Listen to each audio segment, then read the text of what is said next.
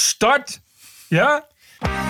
This is the TPO podcast. De week van de waarheid voor Schiphol-directeur Benschop. Uh, dat komt natuurlijk, ja, mag ik het zeggen, een beetje lullig over hoor. Dat besef ik, uh, besef ik reuze goed. Jula Rijksman bekritiseerde Nieuwsuur wegens aanpak van Kaag. Er is hier iemand in de studio die dat niet zelf zo ervaart. En dat is iemand uit uw eigen partij. En de snijtafel snijdt Rutger Brechtman aan stukken. Erger kan het toch haast niet ja. in een proloog. En daar gaat het al mee. Ja. Aflevering 356. Ranting and Reason. Bert Bresson. Roderick Phalo. This is the award-winning TPO podcast. Goedenavond Bert.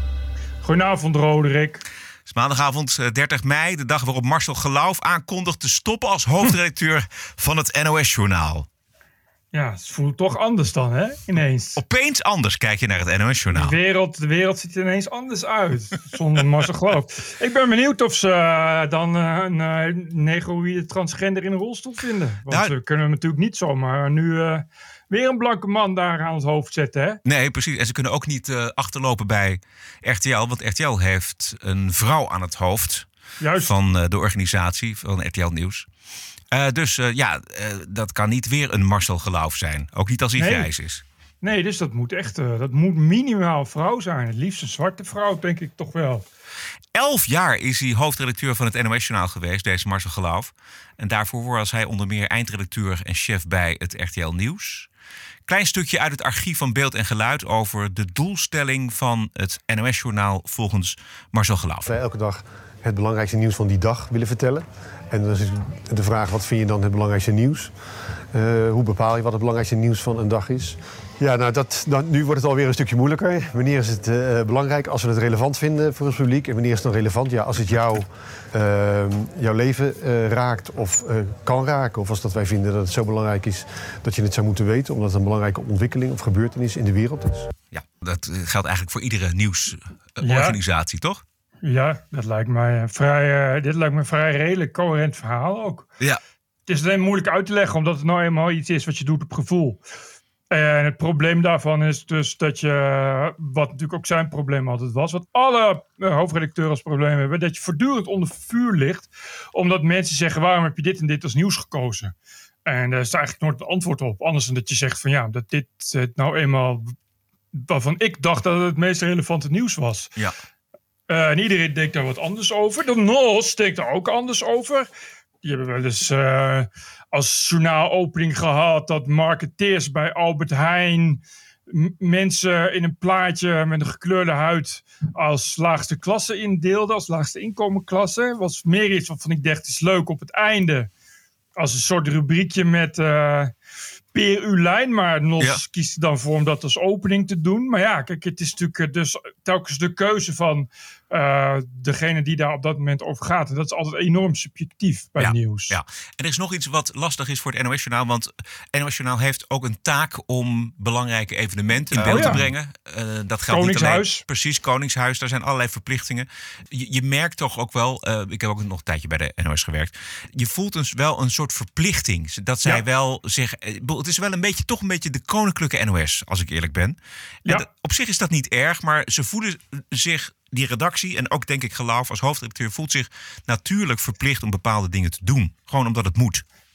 Ja, ik heb hem daar wel eens over gesproken, over dat, over dat Koningshuis. Want het is natuurlijk altijd heel kazig, hè? eh, kritiekloos en dat soort dingen. En ehm, eh, overdadig aanwezig als iets met het Koningshuis is. Er zijn momenten geweest dat je naar de NOS-site ging, dat je denkt van, misschien moet je het maar gewoon oranje.nl noemen. Ja. Eh, maar hij zei ook van, ja, hij zei ook van, weet je, het, het staat in de mediawet dat ik dat moet doen. Ja, Dus, dus ik ben alleen maar de boodschapper. Dus hij liet het een beetje in het midden. Maar ja, het, het is zo. En het staat dus inderdaad ook in de wet. En daar is die NOS dus voor.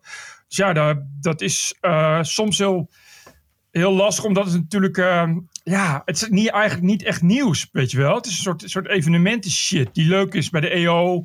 Maar ja, je moet dan toch aan de ene kant dat serieuze nieuws doen... en tegelijkertijd dat Koningshuis braaf elke keer maar weer verslag van doen. Ja. En dan krijg je natuurlijk rare dingen als verslaggevers die roleren... en die dan eh, de, de ene dag nog keihard nieuws uit Rusland brengen... en de volgende dag dan de prinsesses moeten gaan staan interviewen. Hè, Ja. weet je? En dan Ja. denk ik als kijker, ja... Ja, en het, het wringt altijd een beetje met het idee, tenminste bij mij, dat je toch, je, je zet het NOS Journaal aan als je kijkt voor nieuws. En dan krijg je verplichte kost, hè, soms, zoals we inderdaad de verjaardag ja. van Amalia bijvoorbeeld.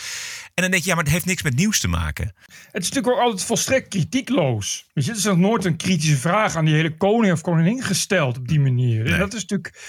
Weet je, dat, dat gaat heel erg in tegen de normale eh, eh, nieuws- en journalistiek cultuur die je hebt.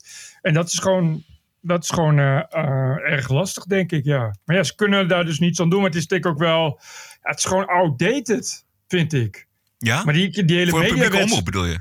ja, maar het, de, kijk, de hele publieke omroep is outdated. En die mediawet is ook outdated. Weet je, maar goed, de, zolang het zo is, is het zo. Dus eh, en geen enkele hoofdredacteur kan er iets aan veranderen. Je, je kunt niet anders dan, dan ja, daaraan gehoorzamen. Je bent nou eenmaal de zender die dat moet verslaan. En dus moet je dat zo doen. Nee, maar dat, ik vind dat dus voor een, wel een taak voor de publieke omroep. Ik, ik vind het fijn dat de publieke omroep er nog is en dat hij dit soort zaken ook in Ja, beeld brengt. Maar de vraag is, precies, de vraag is of je dat inderdaad in het journaal moet hebben. Nou, überhaupt een NOS, weet je. Ik zou zeggen, van, eh, ma- maak dan gewoon een aparte ja, evenement. Nog een omroep. Koning, Koningshuis-tak of zo. Die, die inderdaad dat soort dingen doet. Want het is natuurlijk gewoon een soort...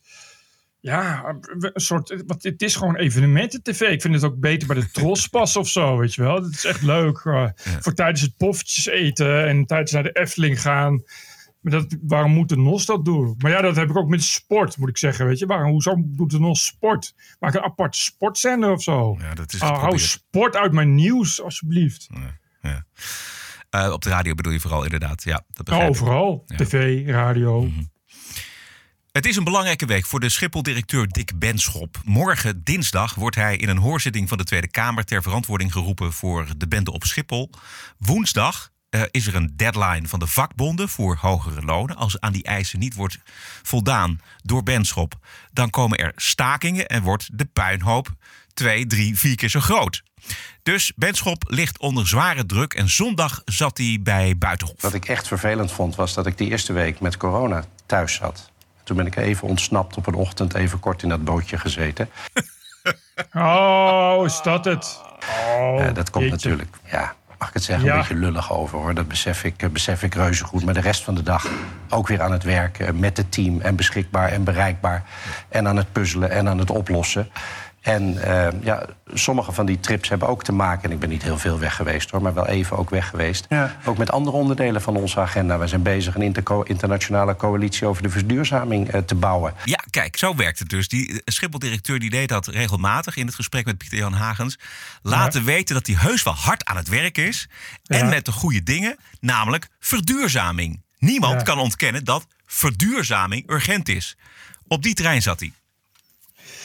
Ja, hij is niet zo goed in PR, hè, denk ik. Het is eh, dat hij niet, hij snapt niet. Ik bedoel, hij zal gelijk hebben. Het is natuurlijk vast iemand die, eh, die eh, elke dag een hele drukke agenda heeft. En dus in de van zijn functie over de hele wereld moet reizen, continu. Maar ja, het is niet een goed moment om dat te doen. Dan moet je daar aan denken. En als je dan gaat zeggen, ja, ik zet in zo'n bootje, ga dan niet in zo'n bootje. Je, ik snap gewoon ook niet dat er niemand is die dat tegen hem zegt. Dan zegt van misschien is het niet zo'n handig moment om dat nu te doen. Als je al hebt gezegd dat je corona hebt. Of ga nou niet nu naar Porto eh, met je gezin. En als je wel gaat, ga dan zelf ook in die rij staan. En ga met een, ga met een, eh, ga met een gewoon eh, commerciële vlucht. Weet je, of ga niet. Nee, dit was eigenlijk weer een vorm van damage control op de slechtst mogelijke manier. Want hij pakte Juist. inderdaad niet aan. Hij zei niet van de eerste dagen heb ik me erop verkeken. Daarna zijn we keihard aan de slag gegaan. Dat is fout gegaan. Dat is fout gegaan. Precies. Ehm, ik trek me dat aan. Ja, dat, Nee, vind ik, dat- dat vind ik geloofwaardig. Maar dat Ja. niets daarvan in dat Nee, hele maar- gesprek bij Buitenhof. Nee, maar Benschop is, is, komt ook van de PvdA. Het is een echt, nog, nog een, echt een klassieke, klassieke regent. regent. Het is echt ook regenten, regententaal die je hoort. Ook iemand die zegt parbleu. Weet je, waar, waar valt het volk nu weer over? Kunnen we niet wat stroopwafels uitdelen als het te lang duurt? Geef ze een gratis kopje koffie en hup weer weg. Weet je dat? Het is typisch iets van de elite waar, eh, waar, waar het volk zich al, al, al, al, ja, al 30, 40 jaar aan ergert. Daar komt deze benschop ook vandaan. Dat is natuurlijk het grote probleem. En ik denk dat het voor dit soort bedrijven zou het ook mooi zijn als je dus inderdaad ehm, daar eens wat betere mensen voor vindt. Dus in die dan ook snappen dat je dan op dat moment zegt: ja, sorry, heb ik verkeerd gedaan. Heb ik helemaal verkeerd gedaan. Het zou toch Eh, heerlijk zijn en, en ja, verfrissend. Weet je, niet zo'n, niet zo'n, dit is, dit is weer zo'n Stef Blok. Dit is weer zo, zo iemand die nog, die nog nooit, ja, dit is iemand die nog nooit zelf boodschap heeft gedaan in de supermarkt. Ja. Hij vindt het haast vervelender dat hij gefotografeerd is in een bootje in Den Haag dan de chaos op Schiphol. Maar eh, Pieter-Jan Hagens die houdt hem bij de les. U als luchthaven bent ervoor om te zorgen dat vluchten kunnen starten en landen, dat passagiers aan boord kunnen komen. Dat lukt niet. En u zegt nu in uiterste instantie: cancel ik vluchten. En daarmee leg ik het probleem op het bordje van de passagiers. Dat zal, nee, juist niet. Want als ik, het, als ik het niet doe, als ik het op goed geluk doe en het past niet... dan hebben we de rijen die te lang zijn, die niet voorspelbaar zijn. Eh, mensen die misschien toch hun vlucht niet halen... of dat je op woensdag besluit dat het zondag toch er iets af moet. Dat is pas de echte, Dus hoe dan ook, echte disruptie. zal Als we de passagier planmatig- de dupe zijn? Nee, er is, er is altijd schaarste op Schiphol. Toen we 500.000 bewegingen mochten, milieugrenzen... en de huidige schaarste wordt bepaald door de hoeveelheid personeel. En daar moet je planmatig aan aanpassen. En als je dat lang genoeg van tevoren doet... en dat kunnen we nu, dan is de impact... zowel op de luchtvaartmaatschappij, op de passagiers...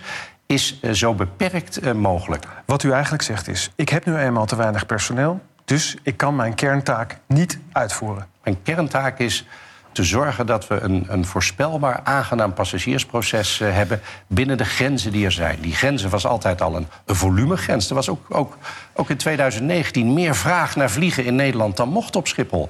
En nu zal er een grens zijn die deze zomer. En hopelijk niet al te lang, maar ook bepaald wordt door de tekorten aan personeel. En dat is alleen maar je verantwoordelijkheid nemen. Omdat wij het niet uit de hand mogen laten lopen. En moeten zorgen dat we zeker weten dat dat niet gebeurt. En dan heb je naast alle maatregelen die we kunnen doen... van meer personeel, de betere doorstroming... het slot op de deur, de uitplaatsing... heb je ook Die stok achter de deur nodig. Ja. Meneer Benschop, tot slot, zullen die, zullen die rijen weg zijn van de zomer op Schiphol? Die rijen, als we praten over de, de uitwassen... eh, die moeten we absoluut eh, weg zien te krijgen. We moeten weer terug naar een Ja, voorspelbaar, aangenaam die proces. moeten we weg zien te krijgen. Een aangenaam, voorspelbaar proces. Die rijen, zullen ze weg zijn? Die ellenlange rijen. Dus de ellenlange rijen wel natuurlijk. Maar er zullen altijd, altijd rijen zijn.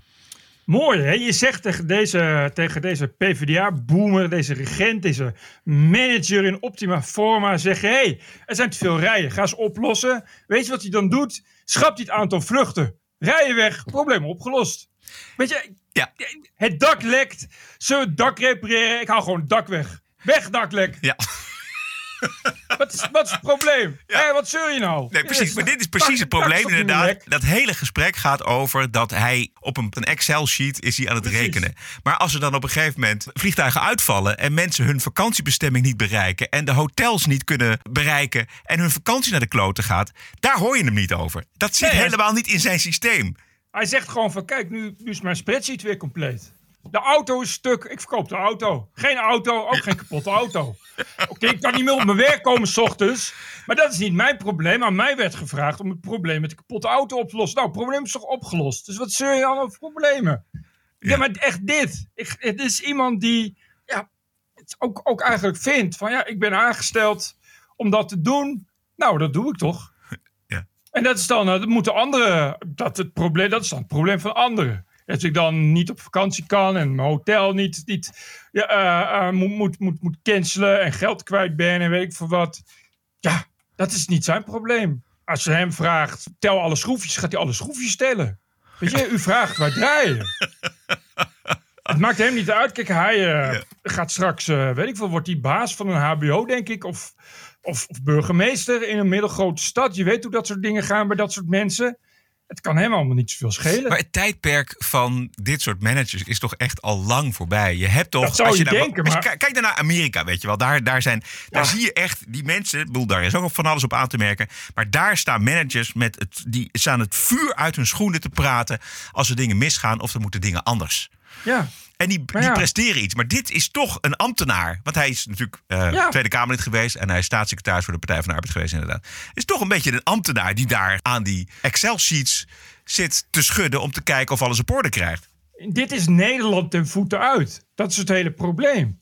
Dit is, dit is Nederland. En het probleem is dat Nederland eh, in alle geledingen nog steeds zo is. Dat, dat gaat, het gaat niet zomaar over. En dat gaat ook niet zo snel. En dat is, dat is het grote probleem. We, we, we hebben heel veel van dit soort lui. En ze komen altijd van, of ze nou van PvdA komen of VVD of D66. Het maakt qua uitvoering niet uit.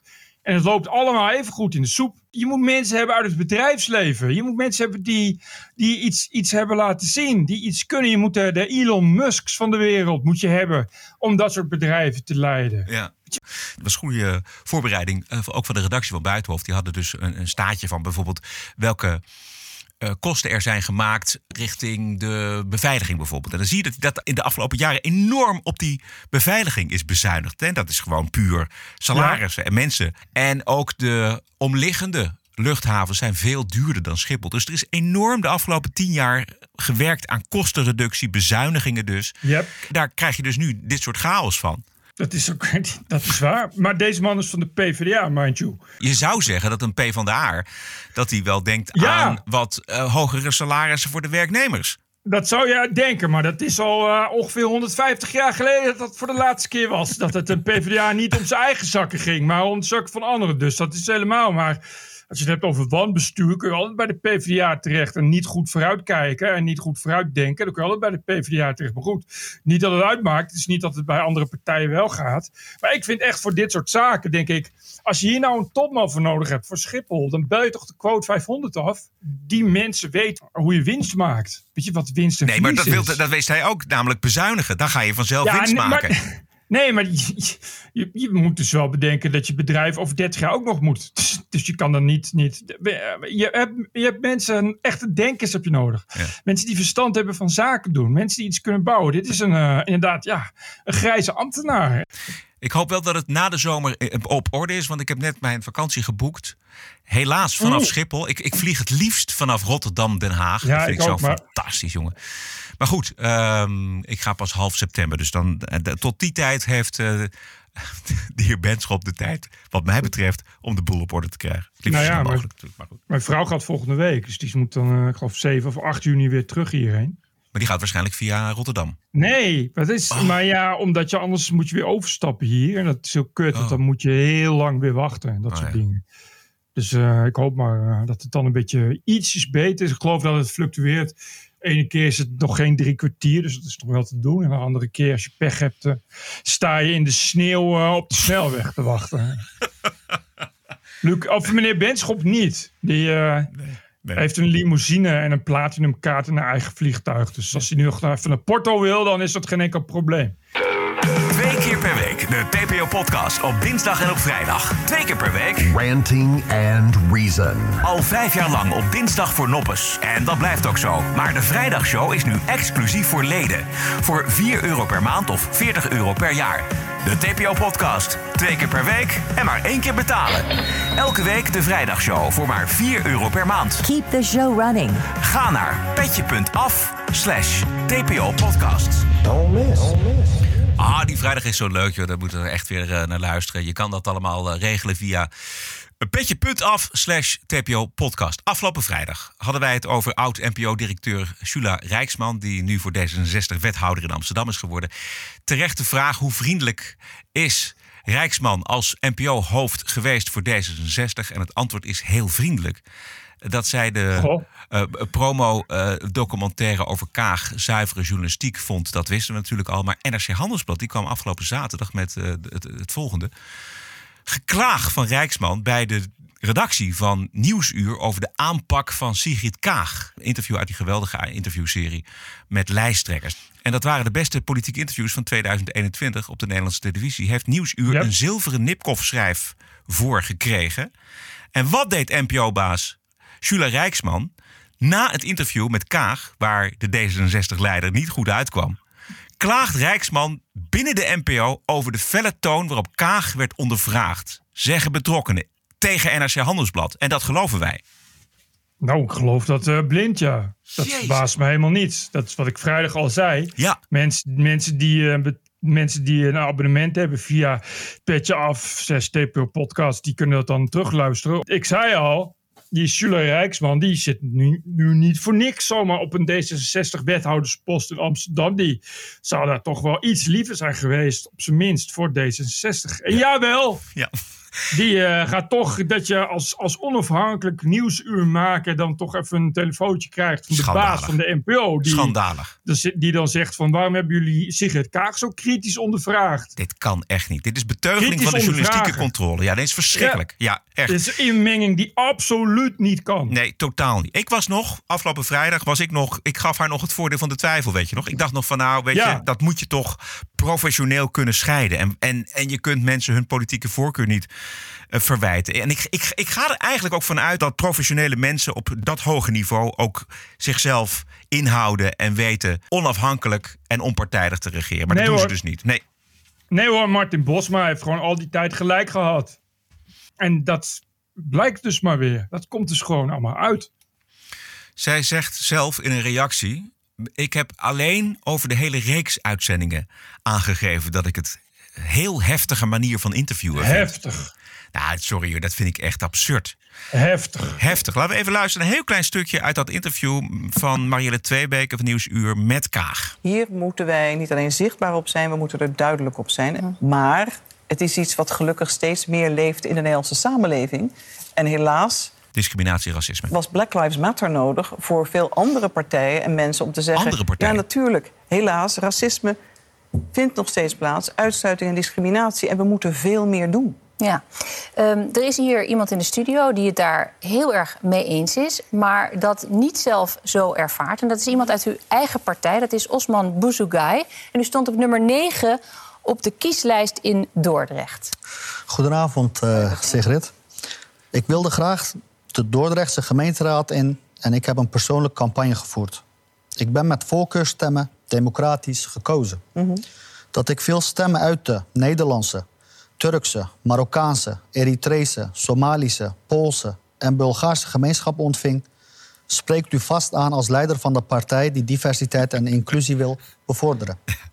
Dit was heel, ik was heel blij met mijn raadslidmaatschap, maar anderen binnen D66 niet. Dit kreeg ik onder andere te horen. Je hoort hier niet. We zijn geen Denk 66. En neem je Turkse zetel mee en ga weg bij D66. Ja, is allemaal echt gebeurd. Geweldig goed geproduceerd van Nieuwsuur. Fantastische. Ja. En ze pakte iedereen even hard aan. En dan krijg je dus de baas van de NPO, Jules Rijksman... die dan de redactie belt om te zeggen dat ze het te heftig vond. Tja, ik weet niet. Eh, de NPO eh, accelereert al jaren in vooral niet-kritische journalistiek. En doe je een keer iets kritisch, krijg je dit. Dus je, wat, ja, wat wil je nou? Als je, als je tegen, normaal als je tegen Sule Rijksman zegt van ja, de NPO is links en love en één pot night. Zegt ze ho ho ho. Eh, we hebben ook kritische journalistiek. Dus dan doen ze dat een keer bij Nieuwsuur. Ik bedoel, Nieuwsuur is toch behoorlijk, eh, behoorlijk goed opgeschoven de afgelopen jaren. Zeker. Ze hebben ook niet voor niks die Nipkoff-schijf gewonnen, zal ik maar zeggen. Eh, en wat krijg je dan van de baas van de NPO? In plaats van dat die ook nog eens een keer even een, een extra eh, schijf komt brengen uit, uit dank, krijg je te horen dat je te kritisch bent. Ongelooflijk, man. Nou, het is eigenlijk goed dat die vrouw weg is bij de NPO, zal ik maar denken nou, dan. zeker wel, ja. Zo'n vrouw moet dan toch ook eh, die redactie oplopen en zeggen... jongens, dit is fantastisch goed gedaan, wat een mooie televisie. Ja, precies. Maar je hoort er toch achter je mensen te staan. Zelfs als je het niet vindt, dan ga je toch niet bellen. Maar je blijft er gewoon achter staan. Je zegt gewoon tegen die mensen: jullie zijn onafhankelijk. Dat, dat is de bedoeling. En ik sta dus gewoon altijd achter wat jullie maken. En het was Je ook super scherp. Nee, precies. Dat kan echt niet. Het, het was super scherp, want het, het gaat namelijk inderdaad... in dit fragment hoor je dat... dat uh, Marielle Tweebeke Sigrid Kaag confronteert... met natuurlijk ha- haar imago en, het, en, en de ver- verkiezingsleuzen... dat ze niemand laten vallen en dat iedereen inclusief Precies. is. En dan heb je dus inderdaad een fantastisch geproduceerd iemand uit Dordrecht... die zegt, ja, dat klopt helemaal niet bij D66. En vervolgens krijgt natuurlijk Kaag daar alle ruimte om daarop te reageren. Hoe mooier en zuiverder eh, eh, journalistiek bestaat er niet. Wat doet Rijksman? Ja, het is dus. En ik zeg. Kan toch echt niet door dit. Ik zeg, het is geen toeval dat het om D66 gaat. Rijksman wilde D66 iets meer te vriend houden dan alle andere partijen. Die ze overigens ook te vriend wilden houden. Nou, en, en het resultaat.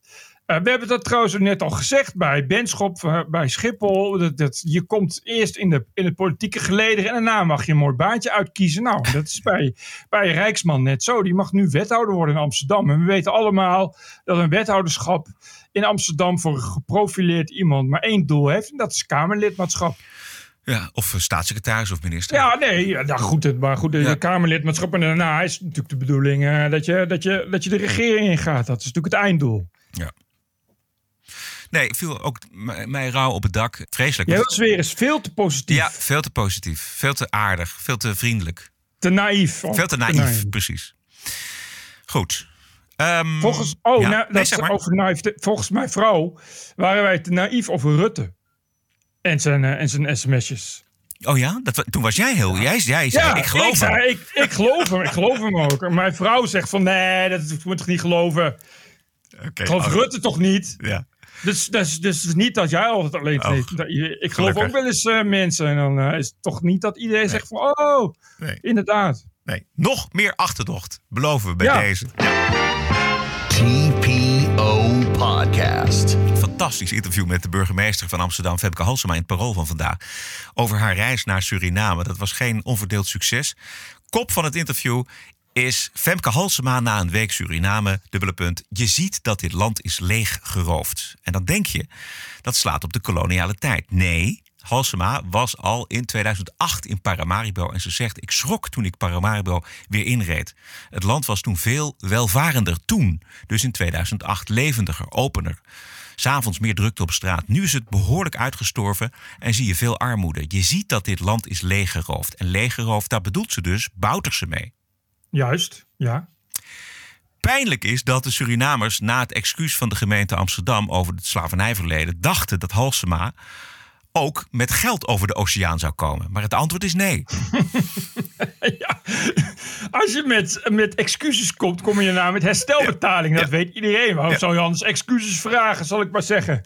jammer, Ja. jammer, jammer dat het grote goudschip weer niet binnenvoer. Of moet ik nee. zeggen, het galjoen met florijnen. Ja, wat, wat dit interview zo fantastisch maakt, de, de Telegraaf die citeert er ook uit, is dat het verschil tussen Amsterdam en Suriname op alle fronten zo enorm groot is. Ook tussen de Surinamers die in Nederland wonen en de Surinamers die nog gewoon in, in Suriname wonen. Halsema die zegt op een gegeven moment, ja, ik vind het pijnlijk dat je de waarde van het excuus afhankelijk maakt van geld. We zijn de eerste stad in Nederland geweest die excuses heeft gemaakt. En die heb ik deze week herhaald op de Surinaamse radio. Echt lekker Hollands, weet je wel. Excuses gemaakt. Verder, uh, niet op met je geld. Die excuses die zijn diep gemeend, zegt ze, en vormen een beginpunt van nieuwe debatten. Nobody cares in, de, in Suriname. We Juist. werken aan een slavernijmuseum en zijn geïnteresseerd in verdere samenwerking. Ja, maar herstelbetalingen zijn niet aan de orde. En dit is fantastisch hoe hoe die symboolpolitiek van Amsterdam uitpakt en aankomt in Suriname, waar ze daar helemaal niks Mooi, mee hè? hebben. Nou ja, dit kan die mensen ook helemaal niks schelen. Die willen gewoon geld. Juist, en terecht natuurlijk, want eh, ze hebben niks aan excuses. Nee, leuk, excuses. Ja, maar we gaan een slavernijverleden museum bouwen in Amsterdam. Ja. Wat leuk als je dan in Paramaribo woont en niks hebt. Eh, en nog steeds wacht op het groot geld. Ja. Dat het toch eens een keer moet komen. Want ja, daar ben je al heel lang mee bezig als je daar woont. Een totaal ander wereldbeeld. Dat bestuur, eh, dat zich helemaal, ja, helemaal in, in de knoop praat de afgelopen jaren over een slavernijmuseum. En denkt dat het daarmee gedaan is. Weet je, op dat morele hoge paard staan en zeggen, nou oké, weet je, dat hebben we geregeld. Nee, heb je gewoon niet geregeld. Nee, heb je helemaal niet geregeld. Niets. En dan daar ook alweer toch wel weer gefrustreerd over zijn. En je afvragen hoe het toch komt. Die mensen niet eens even wat dankbaarder zijn. Eh, Nog veel, nog veel pijnlijker was dat Halsema op een voormalige plantage aan haar polsen geketend werd en een paar meter geketend moest lopen om de slavernij te beleven. Halsema zegt eh, tegen het parool: Als witte Nederlander die daar plotseling een paar meter geketend moet lopen, voel ik gêne als ik het slavernijverleden moet herbeleven via een soort spel. Terwijl ik me bewust ben van de wreedheden en de misdaden. Wij hebben misschien een andere behoefte aan beleving van slavernij dan in Suriname. Ja, nou, dat is dan wel weer waar. Ze noemden het verdisnificering, nee, disnificering van Ja. het slavernijverleden. Daar kon ik wel een beetje in komen. Het is toch een beetje alsof je eh, in Auschwitz even een gaskamertje mag spelen of zo. Dat je even, even, even de douche in mag en dat soort, dat soort dingen. Weet je, kijk, eh, dat is natuurlijk... Je kan, niet met, je kan niet dat soort dingen versimplificeren door, door dan te zeggen... Je, je kan daar, als je daar ga, heen gaat, moet je dus inderdaad eh, aan een armband, aan een, aan een rail met een ketting... En dan krijg je een, een brandmerk, uiteraard niet gebrandmerkt, maar met, met een rode stempel en dat soort dingen. Ja, daar, eh, daar kun je dus van alles bij voorstellen. Weet je, als je dat met de holocaust doet, dan zegt ook niemand van, goh, leuk idee. Weet je, Nee, dat omdat het te, te dom en te pijnlijk is. Ja, ja. maar het, het, het is er wel. Ja. En die, en die eh, Surinamers die leven daar in Suriname met eh, het idee van, nou misschien denken ze wel van ja, ach, dat slavernijverleden, dat is zo lang geleden. Dat is ook weer misschien het grote verschil. We hebben ook goede dingen overgehouden aan de kolonisatie van Nederland door Nederland. Ja, misschien pakken zij dat wel veel lichter op en is het niet te vergelijken met een, met een holocaust of wat dan ook. Voor, voor hun is het natuurlijk anders, ja. Ook omdat het, eh, kijk, voor de blanken die daar komt, is dat natuurlijk toch een beetje een eh, gevoel van gêne. En dat is voor de Surinamers natuurlijk niet. Bedoel, Zij hebben daar geen gêne bij. Nee. Zij zijn alleen maar slachtoffer. Dus eh, je kan dan bedenken toch dat het idee is om daar dan iets meer mee te doen. Omdat natuurlijk, ja, ja, dit valt verder natuurlijk ook niet zoveel te zien. Het is niet iets dat je nog eens een keer terug kunt kijken naar de slavernij. Het is niet dat je nog kunt zeggen, kijk, hier zit slaaf of zo, weet je. Dus je moet dan toch iets, dan ergens op een bepaalde manier proberen die verbeelding vorm te geven. Ja. En, en dat is natuurlijk ook weer anders dan, dan, dan de holocaust. Want je daar natuurlijk wel een heel duidelijke eh overblijfselen en monumenten voor hebt. Ja. Bedoel, Au- Auschwitz staat op zich. Dan hoef je niet nog eens een keer eh, inzichtelijk te maken. Nee, nee. Maar ja, daar ja, dit is een plantage. Ja, maar ja, wat, wat is een plantage? Ja, dan moet je maar wel even, even aan een ketting gaan katoen plukken. Jezus, Dan, mine, weet je, is, is dat toch iets, komt dat iets dichterbij? Maar ik begrijp wel dat zij dat zegt, zeker ook als, als, als hoogwaardigheidsbekleder, als staatsvrouw of, of als burgemeester, toch iemand van een bepaalde Standing. eh, standing, dat je toch ook denkt, krijg je wel een beetje een koloniaal gevoel bij. Het is een beetje, een beetje pijnlijk. Ja, je kunt dat niet met een glimlach doen, bij wijze van spreken. Of met een heel nee, ernstig gezicht kan dat ook niet. Precies, en je kan het niet. En het- ja, het is natuurlijk een beetje toch. Ja, ik vind Disney, Disney vind wel een goede vergelijking. Toch een beetje alsof je een soort pretpark ervan maakt. Pretpark, slavernijverleden. ja, ik weet niet of Quincy Gario hierom kan lachen, maar ik denk het niet. Nee. Ik vond het dus wel het meest, eigenlijk het meest opvallende wat dat die Surinamers het, het allemaal zo anders beleven dan het gemeentebestuur en de, de Surinamers in Nederland, althans in Amsterdam. Ja. Nou ja, of alle, ik weet niet of alle Surinamers Nee, Amsterdam dat beleven. Kijk, je weet natuurlijk alleen. bij, een- bij eens wel natuurlijk. Ja, precies. Maar dat is een- natuurlijk een boos groepje die, die dat soort dingen op de voorgrond duwt. Ik kan me wel herinneren dat eh, als het dingen bijvoorbeeld over Zwarte Piet, hè, wat dan zo'n een- zo- zo'n zo'n heet hangijzer was, dat er als bijvoorbeeld dan Pauwnet ging dan naar de Belmer. Weet je wel, ja, dan toch vooral meer mensen die, die zeiden, waar gaat het over? Dan mensen die zeiden, ja, ik ben echt woest. Ja. Dus het is natuurlijk de meerderheid denkt daar natuurlijk ook anders over. En de meerderheid, ja, Ja, ik ja, geloof, de meerderheid zelfs. heeft wel gewoon eh, werk. Ja, ja, ja, ja, ja. Nee, maar ik geloof, Zwarte Piet, Zwarte Piet is nog steeds populair, op de, in ieder geval op de bovenwindse eilanden, had ik begrepen. Ja, ja, ja, de, de Antillen doen vinden dat eh, voor een groot gedeelte nog eh, helemaal fantastisch, helemaal geweldig. En ja, als je, je gaat, kijk, die mensen zijn ook niet voor niks hierheen gekomen. Dus die, zijn, die werken hier en die wonen hier al. En ja, dan moet je, ga je, je hebt niet, niet de tijd om, om eh, dan elke dag bezig te zijn met het slavernijverleden. En daar eh, af te vragen hoe je het slavernij mag, wel en niet mag spellen. En of dat dan slaafgemaakt moet zijn. Je bent gewoon druk aan het werk.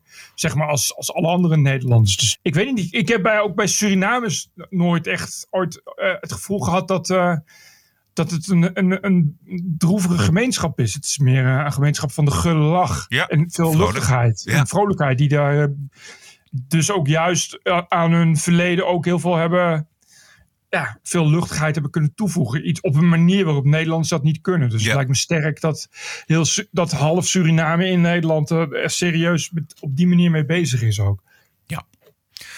Meer Woke in de Wokweek aanstaande vrijdag. In de TPO-podcast op vrijdag, de Wokweek. Maar ook in de wiskunde valt nog genoeg te decoloniseren. Het absurdisme. You're an adult. Grow up. Deal with it. De terreur.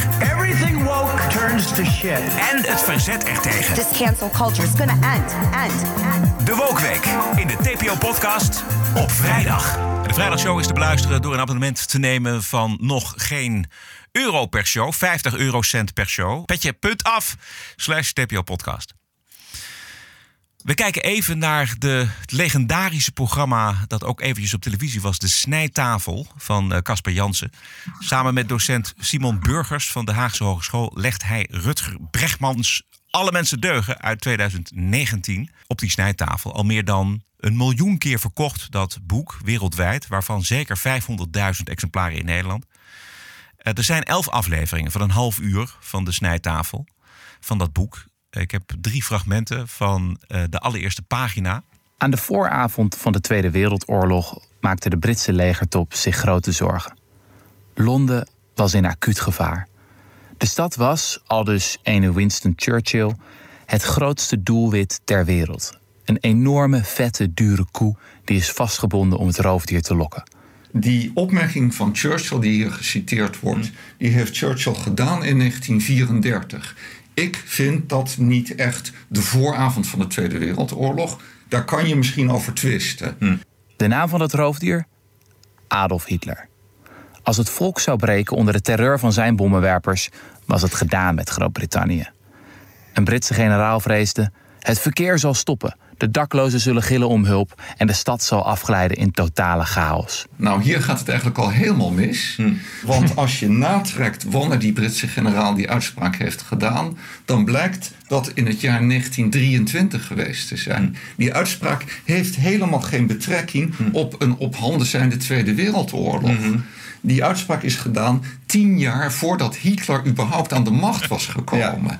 Sterker nog, het wordt nog merkwaardiger. Als je die generaal gaat natrekken, dan blijkt die generaal in 1933 met pensioen gegaan te zijn. Die heeft zich toen heel erg ingezet eh, voor de fascisten en de nazi's. Die is helemaal pro-Hitler geworden. En die was zelfs op de verjaardag van Hitler op 20 april 1939 eregast bij Hitler. Believe it or not, deze generaal heeft in 1961 als oud mannetje nog een boek gepubliceerd waarin hij heeft betoogd dat het jammer is dat Hitler niet de Tweede Wereldoorlog heeft gewonnen. dus het is bijna grotesk dat Brechtman op de eerste bladzijde van zijn boek iemand citeert die zoiets heel anders bedoeld en gezegd heeft dan Brechtman hem in de mond legt. Het is kostelijk. Ja. Is eigenlijk heb je nu al genoeg gehoord ook. Dit is, eh, over, ik bedoel, eh, over dit boek. Eigenlijk weet je nu al genoeg. Want dit was nog maar de allereerste pagina, de proloog. Ja. Je weet nu al hoe erg het dan verder gaat ontsporen met het boek. Ja. Hij shopt enorm in de citaten die hij ooit ergens gelezen heeft. En eh, Precies. waarvan hij denkt van nou, die kan ik gebruiken. Maar vergeet helemaal in welke context ze gedaan zijn, deze uitspraken.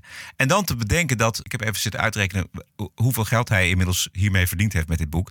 Gebonden editie is 60 euro. En de paperback is 25 euro. De schrijvers krijgen doorgaans 10% per boek. Maar uitgegeven door de correspondent. Dus hij zal, Bregman zal daar aandelen in hebben. Maar uit een conservatieve schatting is Bregman zeker 2,5 miljoen euro verdiend met dit boek. Ja, nou dat geld zou hij natuurlijk allemaal weggeven. Ja.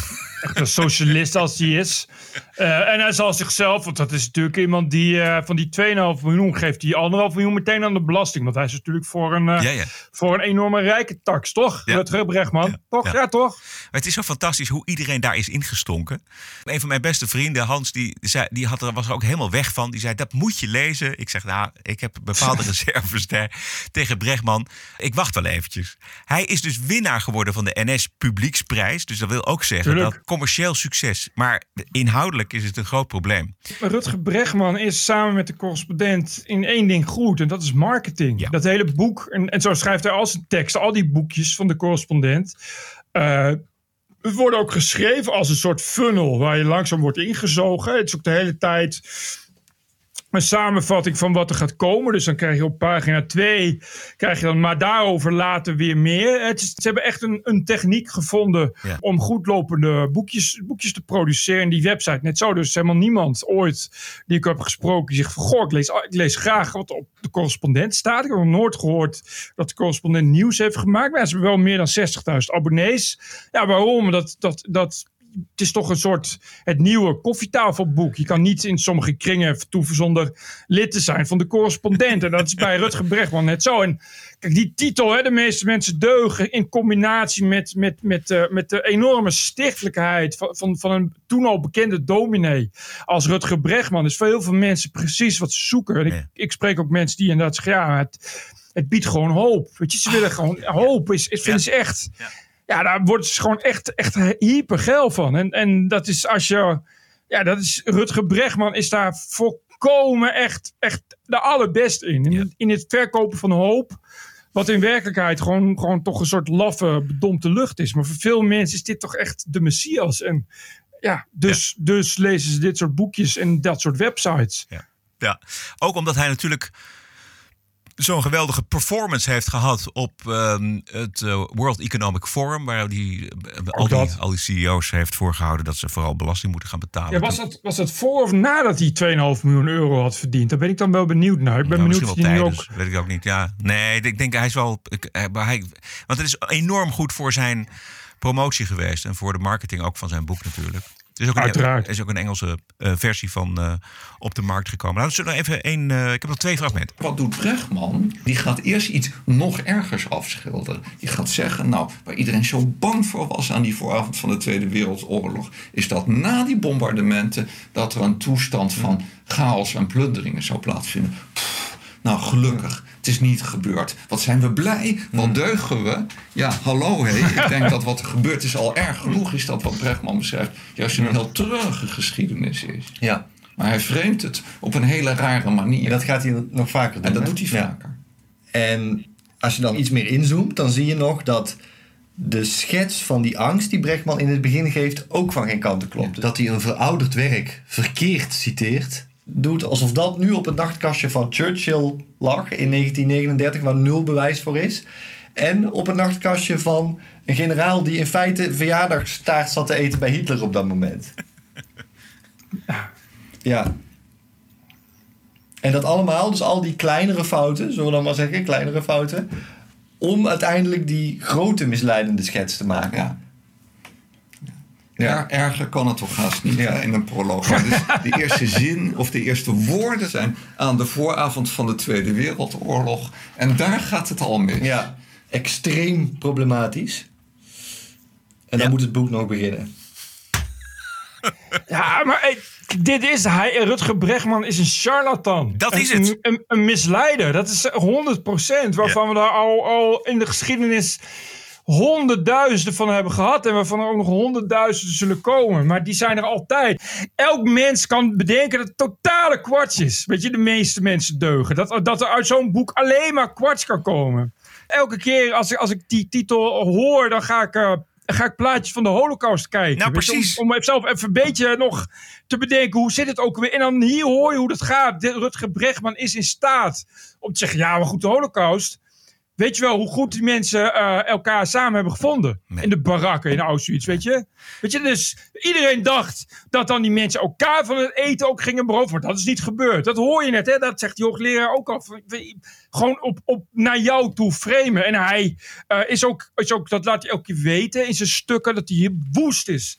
Dat hij, hij heeft ook iets gezegd van ja, in Nederland is het allerergste wat er is, is als je durft te beweren dat de mens wel goed is. Het is, het is, het is ook echt een, een soort ja, een soort evangelist die, die, die, er, die er zelf in gelooft. En elke werkelijkheid is, voelt zich toch gekrenkt. Want ja, mensen zijn gewoon in Nederland te gemeen en te positief. En die, ja, het is typisch maakbaarheidsgeloof. Het is echt een typische zoon van een, van een dominee die opnieuw zichzelf als verlosser ziet. Die toch de hoop er weer in wil rammen. Ja, en, en ja, tuurlijk is het boek een frame. Wat, dat, Ja. dat, En als je nou echt, als je dit onderwerp nou echt zou willen op een bijna wetenschappelijke manier of semi-wetenschappelijke manier zou willen aanpakken, aanvliegen, dan ga je juist dat soort grote misdaden, dus de Holocaust, we hebben natuurlijk Stalin gehad, er zijn natuurlijk verschrikkelijke dingen gebeurd in, in China tijdens de culturele revolutie. Dan zou je daarmee aan de slag moeten. Als je werkelijk zou willen eh, bewijzen dat de meeste mensen deugen. Dan, ga- dan ga je daarop zitten. Dat gaat je niet lukken, dat weet ik ook wel. Maar dan moet je dat soort grote, gruwelijke, beestachtige gedrag van mensen... daar moet je je op zijn minst rekenschap van geven. Ja, maar dat doet hij niet. Wat hij Nee, doet, doet hij is, wat hij doet is, is dat eh framen. Door te zeggen, nou, als je er anders naar kijkt, dan is het deugen. Weet je, de, dat, is dus, dus er zijn eh, vrouwen en kinderen aan puin, puin gebombardeerd in Londen. Maar er werd niets op wijde schaal geplunderd. En er was geen chaos. Terwijl hè, de mensen die dat hadden voorspeld, dat zijn de negatieve. Die, die, die altijd maar weer negatieve beloftes doen. Terwijl ja, leuk dat het niet is geplunderd. Maar er waren überhaupt was er een bombardement. Dus die mensen die getroffen zijn door het bombardement hebben niet nog de behoefte om te bedenken of er wel of niet gedeugd is. Die hadden liever geen bombardement gehad. En zo doet hij het natuurlijk de hele tijd. Dus ik weet niet wat er in het boek staat, maar je kan natuurlijk met elk, elk, elke, elke grote gruwel uit de geschiedenis kun je zeggen van ja, maar er zaten ook goede dingen aan. Ja. Handel in hoop, dat is typisch Ja. GroenLinks. Dat, is, dat zijn de, dat zijn de erg. socialisten bij de correspondent. Hij kan nooit een boek schrijven, de meeste mensen deugen niet. Dat kan hij nooit schrijven, want hij handelt Nee. in hoop. dit is een militante vorm ook van moralisme. Wat Ja. in die hoek, hè, in, in die, de, de correspondentenhoek, in dat soort, dat soort ja, bepaald slag van intellectuelen, waaronder ook veel journalisten helaas Mhm. en mediamakers in Nederland. Daar is- diep, diep, diep gelovig in zijn. Je voelt altijd de woede. En dat is niet alleen, eh, ik weet dat je kent het boek De Welwillende wel. Ja. Van die Franse schrijver. Ik weet niet meer hoe die heet. Maar, eh, maar dat, is, dat is een verschrikkelijk boek. Omdat hij zich inbeeldt hoe het is om een SS-officier te zijn ten tijde van de endlozing. En nou, dat, heeft, dat beschrijft hij zo gruwelijk dat je daar na het lezen toch wel een nacht van wakker ligt. En die schrijver heeft er ook alle prijzen voor gewonnen. En je hebt een andere schrijver die heeft eh eh eh, Himmler's hersenen heette Heinrich geschreven. Ook, ook zeer kundig hè, en een groot geschiedkundige is dat. Die, die er echt alles heeft gelezen over, over Heydrich en Himmler. Wat het leesvalt en daar een boek op heeft gebaseerd. Maar die is veel linkser dan de schrijver van het boek De Welwillende. Die schrijft op een gegeven moment... Haalt hij ook uit naar die schrijver... omdat hij hem te realistisch vindt. Omdat hij geen hoop biedt. Ja. Omdat die welwillende is, dat is het echt het is meer anti-hoop. Als je het uit hebt, dan denk je van ja, dat, hoe komt het goed met de wereld? Nooit.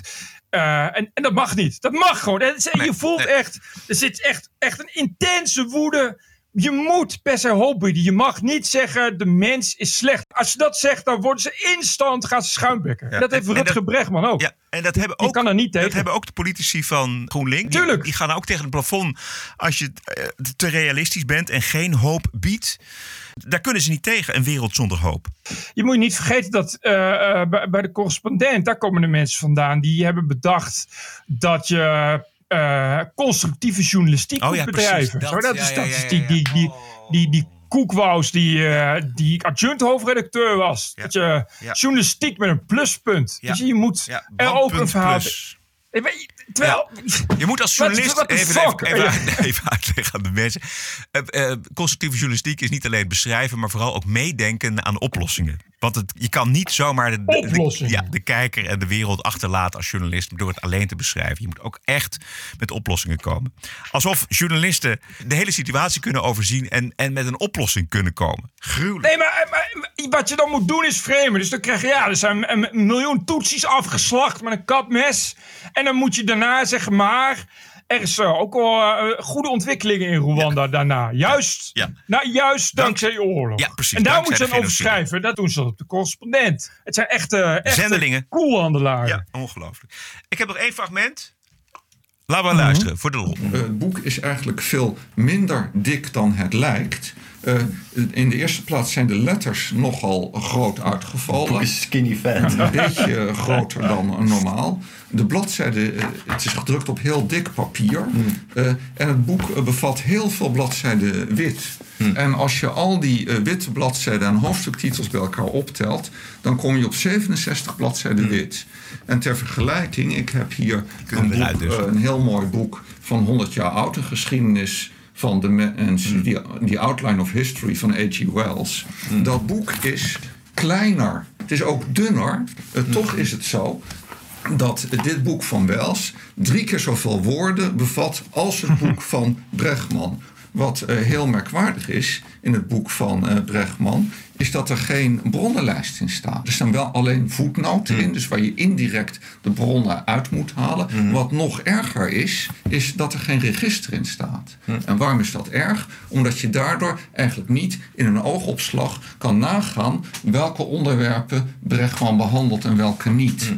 Nu is het zo dat er een Engelse vertaling is verschenen van het boek van Bregman. Eh, en daar staat wel een register in. Wat dan opvalt is wat voor onderwerpen hij allemaal niet behandelt. Kolonialisme komt niet voor. Eh, concentration camps komt er niet in voor. Torture komt er niet in voor. Wat helemaal niet in het boek voorkomt is discriminatie van vrouwen, geweld tegen vrouwen, verkrachting, eh, vrouwenbesnijdenis. Een, een, toch een heel belangrijk akelig onderwerp. Eh, wat hij helemaal niet behandelt is, is discriminatie van homoseksuelen. En de holocaust behandelt hij eigenlijk wel en niet. Maar daar komen we nog op. vooral niet. Ja, maar meer niet dan wel. Ja. Hij bedenkt iets, alle mensen deugen en hij schrijft er naartoe. Ja, en dan de kunst van het weglaten. Ja, precies. Kijk, Zolang je de holocaust weglaat en, en, en, en torture en concentration camps en zo, dan, dan kom je al snel meer in de richting daarvan. En dat is ook, eh, dat is ook de hele tijd tactiek die ze gebruiken. Je had ook bij, bij dit soort mensen, bij correspondentianen zal ik maar zeggen, eh, bekende Zweedse professor, die, die is inmiddels overleven, had een aantal ziekte. Die was dan ook van, hij maakte van die, van die gelikte TED-filmpjes. En dat werd dan ook altijd heel veel gedeeld. Dat ging dan viraal. En dat was een iemand ook die zei van ja, je moet naar het hele geheel kijken. Dus dan, eh, want de journalistiek is dan stom, want die schrijven dan over Nigeria alleen maar als er weer een aanslag van Boko Haram plaatsvindt. Maar je moet dan de rest van Nigeria gaat heel goed met de democratie. Weet je, en, eh, en, en hij zo'n beroemd fragment dat hij dan zijn schoen pakt. En dat hij zegt van ja, ah, je, je kunt alleen een schoen beschrijven, maar ik heb schoenen, ik heb broekspijp, ik ben meer. En uh, die, die deed precies hetzelfde. Maar wat je zag, is dat dat, dat soort mensen heel dwangmatig altijd alleen maar het positieve willen benadrukken. Dus die zeggen, ja, maar je moet dan niet... Uh, eigenlijk zeggen van, je moet eigenlijk helemaal niet over Boko Haram schrijven in Nigeria. Je moet dan alleen maar uitlichten dat het gewoon goed gaat met de democratie in een gedeelte van Nigeria. Je niet alleen in Noord, uh, de, de, op de. Noord-Nigeria. En het is, je zit daar heel dwangmatig. En ik weet dat, want ik ben christelijk opgevoed. Ik weet hoe dat gaat. Het is de, de dwangmatigheid van een bepaalde boodschap brengen. En in die boodschap moet je een bepaalde kleuring brengen. eh, en, en, en, en, en een bepaald gedeelte laat je weg. En dan krijg je dus vragen. Want ja, je zegt het wel, maar dat is toch in strijd met dit en dit. En dan zeg ik, ja, luister eens. Altijd maar dit soort vragen. Op die manier, op die manier is het natuurlijk geen mogelijkheid om, om in het goede te geloven. Ja, ja, ja. Dus, dus, dus je moet dan, en dat, dat is bij Bregman net zo. Ongelooflijk. Dit heeft nog niks met journalistiek te maken. Niks met Nee, onderzoek. helemaal niks. Helemaal nul. Maar wat ik mooi vind is dat je die professor hoort, is wat ik net zei, hoe, hoe goed ze zijn bij de correspondent eh, in, in dat marketing. Wat ze hebben heel goed door wat mensen willen. Mensen willen een mooi, groot, eh, gelikt, glimmend boek. Ja. Weet je, met, met een mooie titel. En het- ze zijn altijd van het begin af aan goed geweest in opmaken. hè. Ze hebben die site van de correspondent. Was natuurlijk destijds heel nieuw. Hè, met een heel duur ontwerpbureau. Met zo'n mooi design en gelikte shit allemaal. Daar zijn ze heel goed in. Dus dan krijg je inderdaad eh, een boek met heel dik papier. Eh, en, en, en, en dus inderdaad, eh, dat, wat dan heel dik lijkt. Want dikke boeken lijken intellectueel. Dat begrijp je. Als je die in je kast staat, dan heb je veel meer status. Eh, en dus inderdaad, en het klopt wat ze zeggen. zijn altijd hele grote letters met een, met een bijna dubbele regelafstand. Dus drie zinnen op één, op één. Je hebt bijna het idee dat je echt een groot letterwoordenboek voor kinderen zit te lezen. Dus je hoeft dan ook niet heel veel te schrijven. Om toch een heel dik, indrukwekkend werk te produceren. Weet je, het is echt wat, wat de correspondent en de Rutger Bregman en, en die uitgeverij van de correspondent echt in de finesses beheren. Is intellectualiteit verkopen. Ja, Dit is echt. Ja. De correspondent heeft echt feilloos door hoe je de bakfietsende D66er in Amsterdam met een grachtenpand met een raambaar. wat altijd uitkijkt op boekenkasten. Hoe je die kunt overhalen iets te kopen waar verder nul, nul inhoud in staat. Ja, van boeren de, de kapitaalkrachtige gedeelte van Nederland Tuurlijk, aan. alles is slik en gelikt. Het is pure feel good. Yep. eh, ja, fantastisch. Wie de hele serie wil zien en meer van de Snijtafel, die verwijs ik echt naar hun eigen YouTube-kanaal, eh, de Snijtafel, op YouTube. En dat zijn ook jongens die leven van donaties, dus eh, ik heb er ook geld over gemaakt. Want het is eh, belangrijk dat dit werk blijft gebeuren, want het is niet alleen amusant, het is ook hard nodig. Voor iemand als Rutger Bregman is het wel nodig. Dan moet je toch wel het nodige tegenwicht aanbieden, denk ik. Als, omdat je ziet wat voor een... ja, toch een soort volkshysterie. Dit Nou. soort boeken worden, worden gekocht, terwijl er dus inderdaad geen fuck in staat. Ja. Dat is het. Volkshysterie. TPO Podcast. De TPO-podcast is er dinsdag en vrijdag. En vrijdag betaal je, ja, natuurlijk, 50 cent per aflevering. Ranting and Reason. En daarvoor kun je naar petje.af slash TPO-podcast. Bert is er nog geschreven naar ons. Ja, dit zijn eh, nog wat uit de oude doos. Die zijn blijven liggen. Toen van vlak nadat wij de eh, awards hadden gewonnen. Oh ja. Eh, Duco Kruitzer schrijft... Heren, gefeliciteerd met het winnen van de Online Radio Awards 2022. Ik kan niet beoordelen of het terecht is, want ik luister alleen naar jullie podcast. Dus dat is moeilijk vergelijken. Ik hoop dat de trofeeën enige scrapwaarde hebben... zodat jullie deze in tijden van nood ook nog kunnen omsmelten. Hartelijke groet, Duco. Dankjewel, Duco. Eh, hoi, mijn naam is Arsto en ik ben 80 jaar en ik woon als expat sinds 2006 op Batam in Indonesië.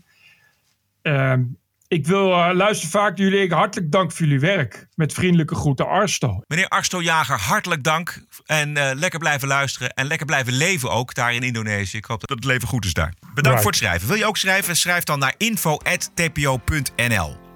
Elke dinsdag en vrijdag online via je favoriete kanalen. Vergeet je abonnement niet voor de vrijdagshow. Je steunt de TPO-podcast al voor minder dan 50 eurocent per aflevering. Of 4 euro per maand. Je krijgt daarvoor twee keer per week de podcast. Met in de vrijdagshow de one and only Woke Week. Met aanstaande vrijdag de woke-escalatie op de Universiteit van Maastricht. En mogelijk ook ehm, eindelijk een verklaring van de Volkskrant hoofdredactie... waarom de rubriek van Jan Kuikenbrouwer gecanceld is. Daar hebben we nog steeds geen Inderdaad. eh, verklaring voor. Dus dat verwachten we eigenlijk wel. Meneer Klok. Klok, Pieter. Is toch wel eh, zo'n Radio 1 forum waar die dan gaat zitten. Oh ja, precies, ja, eh, ja, ja. Zeggen dat het allemaal niet zijn schuld is. en Zo. En ook- nee, en ik vraag me ook af, de eerste columnist van de Volkskrant... die hierover durft te schrijven. Ja, laten we. Ik ben benieuwd. Dit vind ik toch wel... Het is wel een mooi onderwerp voor een column. Dus ik ben benieuwd wie dat durft, aandurft. Ja, dat eh, heb je nog niks van eh Nee. Kuitenbrouwer verder gehoord. Nee, nee. Ah. Meer daarover aanstaande vrijdag dus. Regel het vrijdagabonnement via petje.af slash podcast. Veel dank. Stay cool.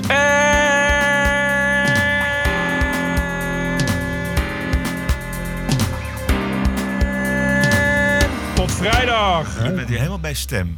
TPO Podcast. Bert Bruson, Roderick Balo, Ranting and Reason.